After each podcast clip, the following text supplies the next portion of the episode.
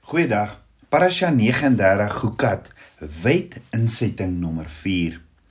Die week se gedeelte of parasha begin met Abba Vader wat met Moses en Aaron praat en dan sê Abba Vader vir Moses en Aaron die volgende Numeri 19 vers 1 tot 9. Hoor mooi. Dit is die wet insetting wat Jahweh beveel het deur te sê: Spreek met die kinders van Israel dat hulle vir jou 'n rooi koei sonder gebrek bring waar geen liggaamsgebrek aan is waarop geen juk gekom het nie.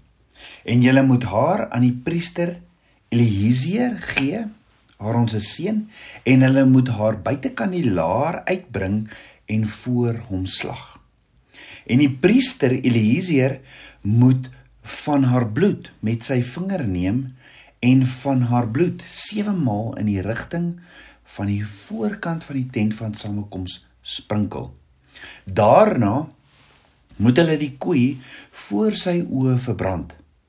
Haar vel en haar vleis en haar bloed saam met haar mis moet hulle verbrand. En die priester moet sederhout en hisop en skarlakendraad neem en dit binne in die brand binne in die brand van die koei gooi.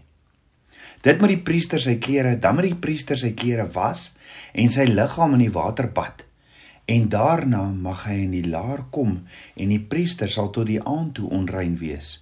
Ook die een wat haar verbrand het, moet sy klere in die water was en sy liggaam in die water bad en hy sal tot die aand toe onrein wees. En 'n rein man moet die as van die koeie bymekaar maak en buitekant die laar op 'n rein plek neersit en dit moet vir die vergadering van die kinders van Israel bewaar word vir die reinigingswater. Dit is 'n sondeoffer. So Abba Vader gee baie inligting, inligting rakende 'n reinigingsproses wat gepaard gaan met 'n rooi koei, 'n rooi verskalf. 'n Tabernakels kind van Abba hier is 'n baie baie hier's baie inligting en geheimenisse wat Abba Vader ons hier wil leer. Maar hoor gou-gou, net soos wat die priesters deur 'n reinigingsproses gegaan het, net so moet jy vandag weet, Abba Vader kan die dooie dinge, die issues in jou lewe ook verwyder. Wat is die dooie dinge in jou lewe? Of dalk is dit tyd om bewus te raak van die dooie goed wat jy dalk in die gesig staar. Moses het in die week se gedeelte het ons na gekyk, sy sussie Miriam verloor aan die dood en dalk staan jy ook vandag by die dood van 'n geliefde. Of miskien staan jy voor die dood van 'n droom soos wat die kinders van Israel gedoen het.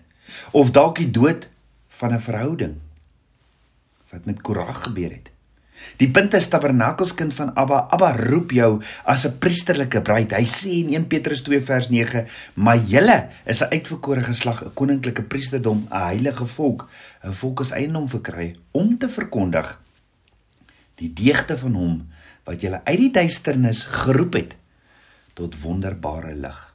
Ja, Abba Vader roep ons as 'n heilige priesterdom, maar hy weet ook ons gaan as sy heilige priesterdom aan dooie dinge raak in ons lewens.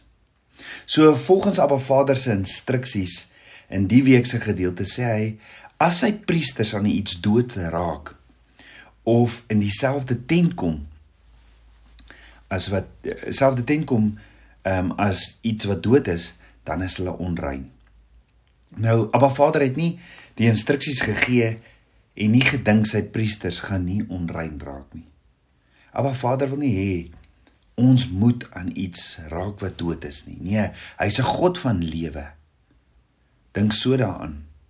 Vir ander volke en nasies is die dood 'n manifestasie van 'n God wat die dood gebruik as 'n wyse dat mense hom sal vrees. Maar Abba Vader verklaar deur sy woord en instruksies dat hy die God van lewe is. As priesters van Abba Vader is ons dus die ambassadeurs van die God van lewe wat homself manifesteer deur lewe te gee as ook die belofte van ewige lewe aan elkeen wat hom liefhet en gehoorsaam. Dalk het dit ook iets te doen met die rooi verskalf. Die onderrig en instruksies van Abba Vader se woord is nie hoe om te sterwe nie, maar wel hoe om in die teenwoordigheid van hom te lewe. Elkeen wat in die geregtigheid van Abba Vader in Yeshua is, sal lewe al sterwe hy. Maar elkeen wat sy eie geregtigheid oprig en nie die geregtigheid van Abba Vader ken nie, is reeds dood al lewe hy. So Abba Vader weet alles en hy weet hoe seer en stikkend die dood my en jou ook maak. As koninklike priesterdom verteenwoordig ons die gewer van alle lewe en van die ewige lewe.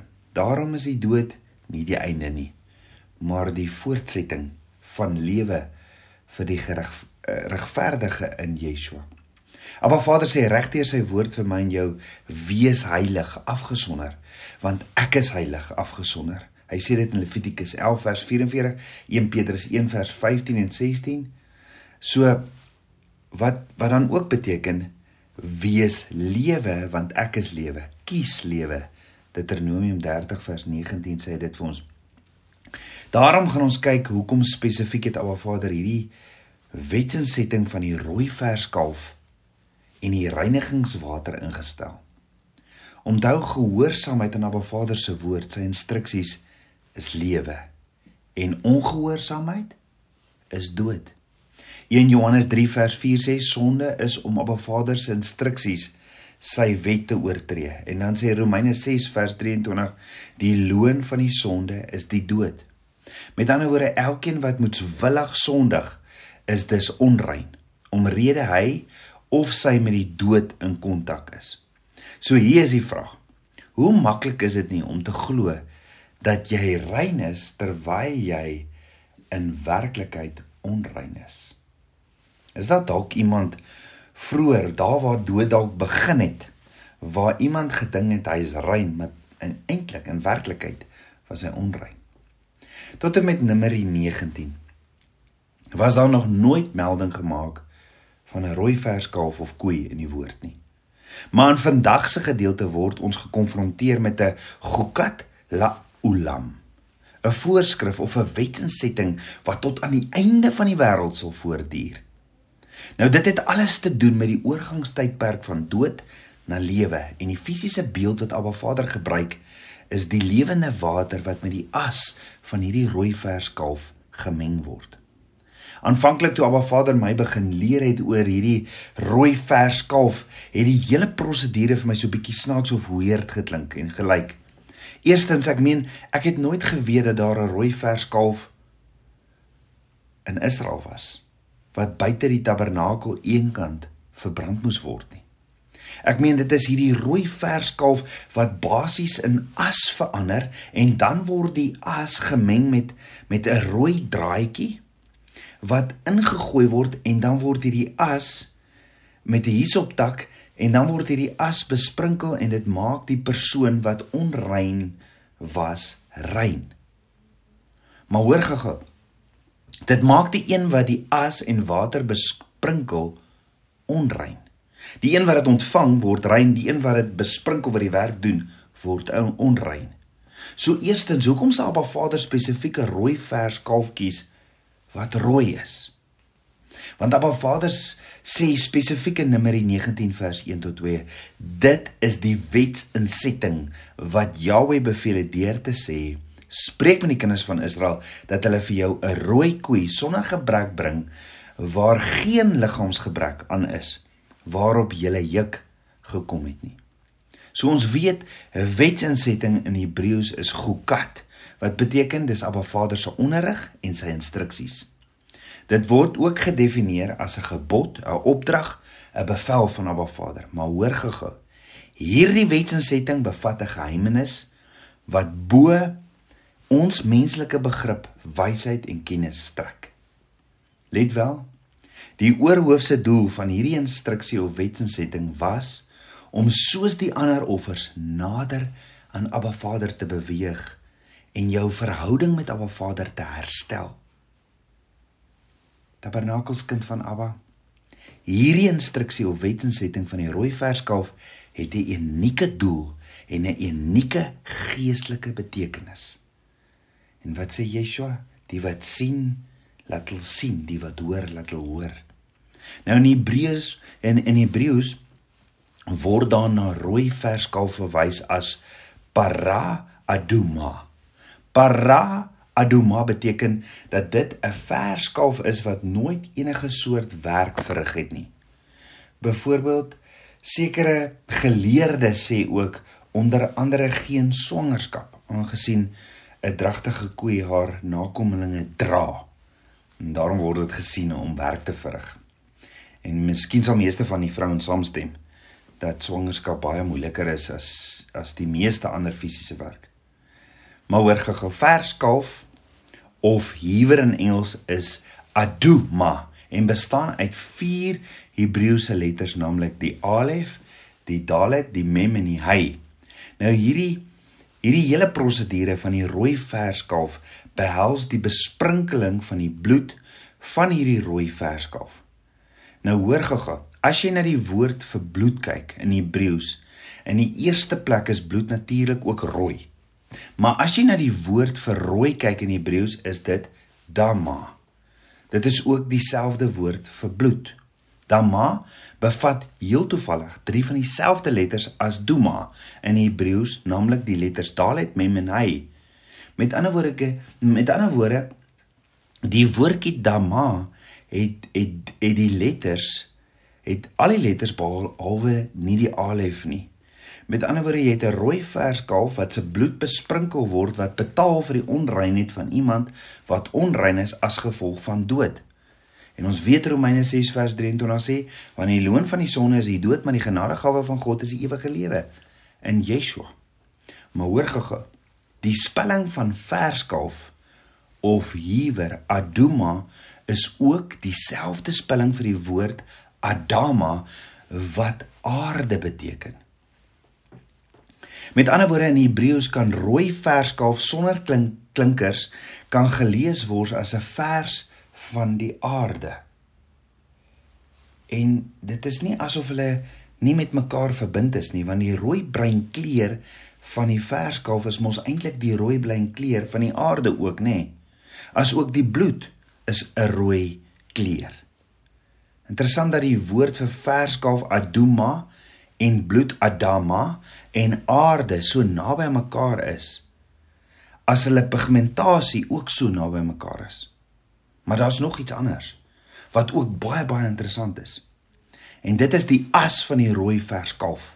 Want hoor wat sê Numeri 19 vers 9 en 'n rein man moet die as van die koei bymekaar maak en buitekant die laar op 'n rein plek neersit en dit moet vir die vergadering van die kinders van Israel bewaar word vir die reinigingswater. Dit is 'n sondeoffer. Nou reinigingswater is die woordjie in Hebreëus nada. Oor die algemeen as jy die woordjie nada gebruik word daar verwys na 'n vrou wat ritueel onrein is op die grond van men menstruasie. En Abba Vader se woord sê selfgeregtigheid, die hoogmoed, daai wat jy dink jy is nie jy het nie sonde nie, daardie selfgeregtigheid is soos veilappe en die veilappe waarvan Jesaja praat is ou maanstondlappe van 'n vrou. Jesaja sê ons regverdigheid lyk soos ou maanstondlappe voor Abba Vader. So hoor hoe amazing is Abba Vader se woord. Wat hy vir ons in Hebreëus gee. Want raai, raai, waar is die heel eerste keer in Abba Vader se woord waar die woord nada voortkom. Die heel eerste keer wat ons die woord nada kry is by Kain toe hy gestraf is omdat hy vir Abel doodgeslaan het. Hoor gaga.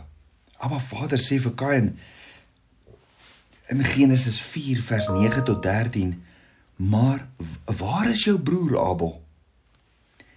En hy antwoord: "Ek weet nie." is ek my broer se wagter en hy sê wat het jy gedoen die stem hoor gaga die stem van die bloed van jou broer roep na my van die aarde af daarom sal jy vervloek wees ver van die grond wat sy mond oopgemaak het om die bloed van jou broer uit jou hand te ontvang As jy die grond bewerk, sal dit sy vermoë aan jou nie meer gee nie. 'n Swerwer en vlugteling sal jy wees op die aarde. Daarop sê Kain vir Jahwe: "My skuld is te groot om te dra." Met ander woorde, Abba Vader sê 'n swerwer en vlugteling sal jy wees op die aarde. Met ander woorde, Kain is 'n swerwer sonder 'n plek, asof hy eensaam en geïsoleer is, nê. Nee. In Hebreëus is dit presies waar die woordjie nat vandaan kom wat in konteks beteken iemand wat uitgedryf, verban is, veroordeel word om te dwaal. Dis waar die woordjie nada vandaan kom. Omdat daar iets is wat eensaam aan 'n vrou is, omdat sy afgesny is, omdat sy 'n onsuiwer toestand is tydens haar menstruasie, net soos wat Kain afgesny is van die samelewing en dat hy 'n swerwer en vlugteling sal wees op die aarde. So hier by die verhaal van Kain kry ons al dieselfde woorde, bloed wat rooi is van sy broer wat doodgemaak het, wat van sy broer wat hy doodgemaak het en die bloed op die aarde wat uitroep. Daar is dis 'n prentjie wat Abba Vader vir ons skets van bloed wat meng met grond en dan ook hierdie woord nada wat te doen het met reinigingswater. Asook die aarde wat betrokke is met die skeiding van rein en onrein, want wat sê Abba Vader vir Kain? Abba Vader sê die stem van die bloed van jou broer roep na my van die aarde af. Daarom sal jy vervloek wees ver van die grond wat sy mond oopgemaak het om die bloed van jou broer uit jou hand te ontvang. OK? So ons het sover geleer dat die spelling van die woord Aduma rooi ook die spelling is van die woord Adama aarde. En ons het ook geleer dat daar verwys word na die water en die as wat meng wat gebruik word in die besprinkeling om die persoon te suiwer, nada. Ons het ook gesien dat al hierdie elemente van Nada, Adama, bloed, rooi, dit verskyn almal in die verhaal van Kain en Abel. Waar Kain sy broer vermoor en Abba Vader vir Kain sê dat die bloed van sy broer skree van die aarde af. En daarom sal sy vloek of straf wees dat hy 'n swerwer of in ballingskap woon. Maar net vir interessantheid, die woord vir ballingskap of swerwer in Kain se verhaal is presies dieselfde woord word ook gebruik as die suiwer persoon die priester by die rooi verskalf as die as van die rooi verskalf as hy die as van die rooi verskalf neem en dit buite die kant op 'n buite die kamp op 'n suiwer plek gaan plaas. Hoe baie parallelle is hier nie. Nou onthou toe Adam en Eva van die boom geëet het wat hulle in wese gedoen het, hulle het besluit om buite hulle rolle op aarde wat Abba Vader aan hulle ge gegee het te stap. Hulle het besluit om soos Abba Vader te word. Wat sê die vyand in Jesaja 12 om verhewe te word, om hoogmoedig te word, om self te besluit wat goed en wat sleg is en nie Abba Vader te vertrou nie. En ons weet in die volgende geslag met Kain lei dit na moord. Nou hier is die probleem. Moord is nie iets waarmee jy verskrik word as jy so hoogmoedig is en dink jy is so verhewe soos die Skepper en jy het van die boom van kennis van goed en kwaad geëet nie. Nou dink daaroor, as 'n persoon 'n dooie liggaam teekom of in die teenwoordigheid was van 'n dooie, watter soort effek het dit nie sielkundig nie? Jou gedagtes word vasgevang by dit wat dood is. En hoe meer tyd jy by die dood spandeer, hoe meer raak die dood al hoe minder taboe vir jou. Jy sien, as jy gereeld tyd by die dood spandeer, dan kan jy begin dink die dood gebeur in die wêreld en dis nie so groot ding nie. As jy die hele tyd sien hoe mense sterf reg rondom jou, soos wat Moses en baie om Moses gesien het in die 40 jaar wat hulle in die woestyn rondgeswerf het, dit kan jou siening oor die dood verander of benadeel. Hoe meer jy tyd saam met die wat geestelik dood is, tyd spandeer, hoe meer raak dit vir jou aanvaarbaar. Jy sien normaalweg het ons as mense afkeer in die dood. Die afskeid en die dood is 'n natuurlike deel van die menswees. Dit is die manier hoe Abba Vader ons geskaap het. Die dood beteken dat jou lewe van die aarde afgevee word en die rede hoekom ons geskape is om is om op die aarde te leef, is dit nie? Maar konstante blootstelling vat die werklikheid van die vrees van dood weg. Konstante blootstelling vir ander dinge. En dit bring my by wat so skokkend is in Kain se optrede. Toe Abba Vader hom vra, "Waar is jou broer?" Kain is soos in glad nie geskok as Abba Vader hom vra, "Waar is jou broer Abel nie?" Hy antwoord, "Ek weet nie. Is ek my broer se wagter?" En wie reageer so? Kain was soos in totaal ongeskok, asof niks verkeerd is nie. So hoogmoedig. En toe Abba Vader hom konfronteer en vra, "Wat het jy gedoen?" Kain is nie bang nie. Hy huil en skrik nie oor wat hy gedoen het nie. Geen repentance nie. Hy sê net ek is my broer se wagter. En wat so erg hier wat so erg hiervan is, hieraan is is dat nie net sy naaste het hy lief nie, maar ook geen verantwoordelikheid vat hy vir sy broer se dood nie. Daar's geen repentance nie en dit pla hom nie eers nie. Hy is soos 'n dood in die gees. Daar's geen skuldgevoel nie.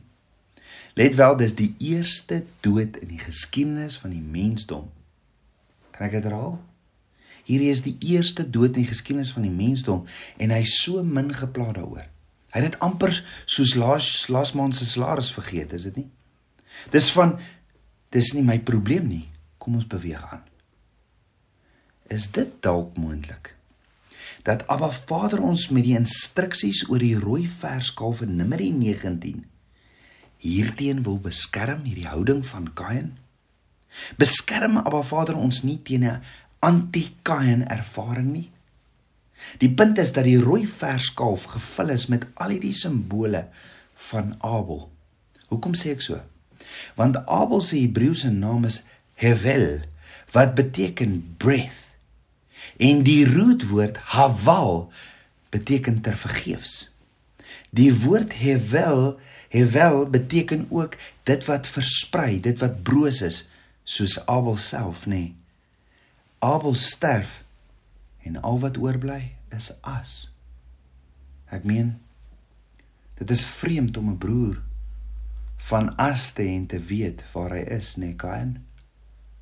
En dit is wat met arme Abel gebeur het. Abel sterf en ons sien die kwesbaarheid van die lewe en alles is ter vergeefs en dis nogal alles vervat in sy naam Abel. Maar Tabernakels kind van Abba hierdie ding. Daar's soveel parallelle tussen die eerste dood in die woord en hier by die rooi verskalf. So om oor te ponder. Het die rooi verskalf enigsins iets te doen met Yeshua wat ook die dood kom oorwin het? Is daar nie dalk 'n prentjie vir ons almal wat op 'n stadium geestelik dood was voor ons gees weergebore is deur geloof in die versoeningswerk van Yeshua aan die kruis nie? Want sien die enigste wyse wat ons uit die riem van die dood na die lewe kan beweeg is deur die reinigingsseremonie van wedergeboorte. Tabernakels kind van Abba die rooi verskalf en die reinigingswater is hiervan 'n sinnebeeld. Is dit dalk hoekom Abba Vader uitdruklik sy instruksies aan gaan na die rooi verskalf gee en is dit nie hoekom hy sê dit is 'n voorskrif wat tot aan die einde van die wêreld sal voortduur nie. An everlasting statue. Kom ons bid saam. Abba Vader skepper van my hart. Abba ek loof en prys U. Vader, u woord is soos heuning. Is amazing. Vader, leer, leer ons die geheimenisse. Leer my die geheimenis, 'n geheimenisse en maak my wakker in die gees. Leer my net die waarheid. Kom Ruach HaKodes, Heilige Gees, kom openbaar asseblief meer en meer ons Messias en die prys wat hy betaal het in hierdie Gukat La Ulam. Vader, dankie dat U ons roep om heilig te wees en te lewe vir U. Dankie dat Yeshua betaal het sodat ons kan lewe. Meer en meer van U. Ek bid dit alles in Yeshua Messie se naam, die seun van Jahweh. Amen. Shalom.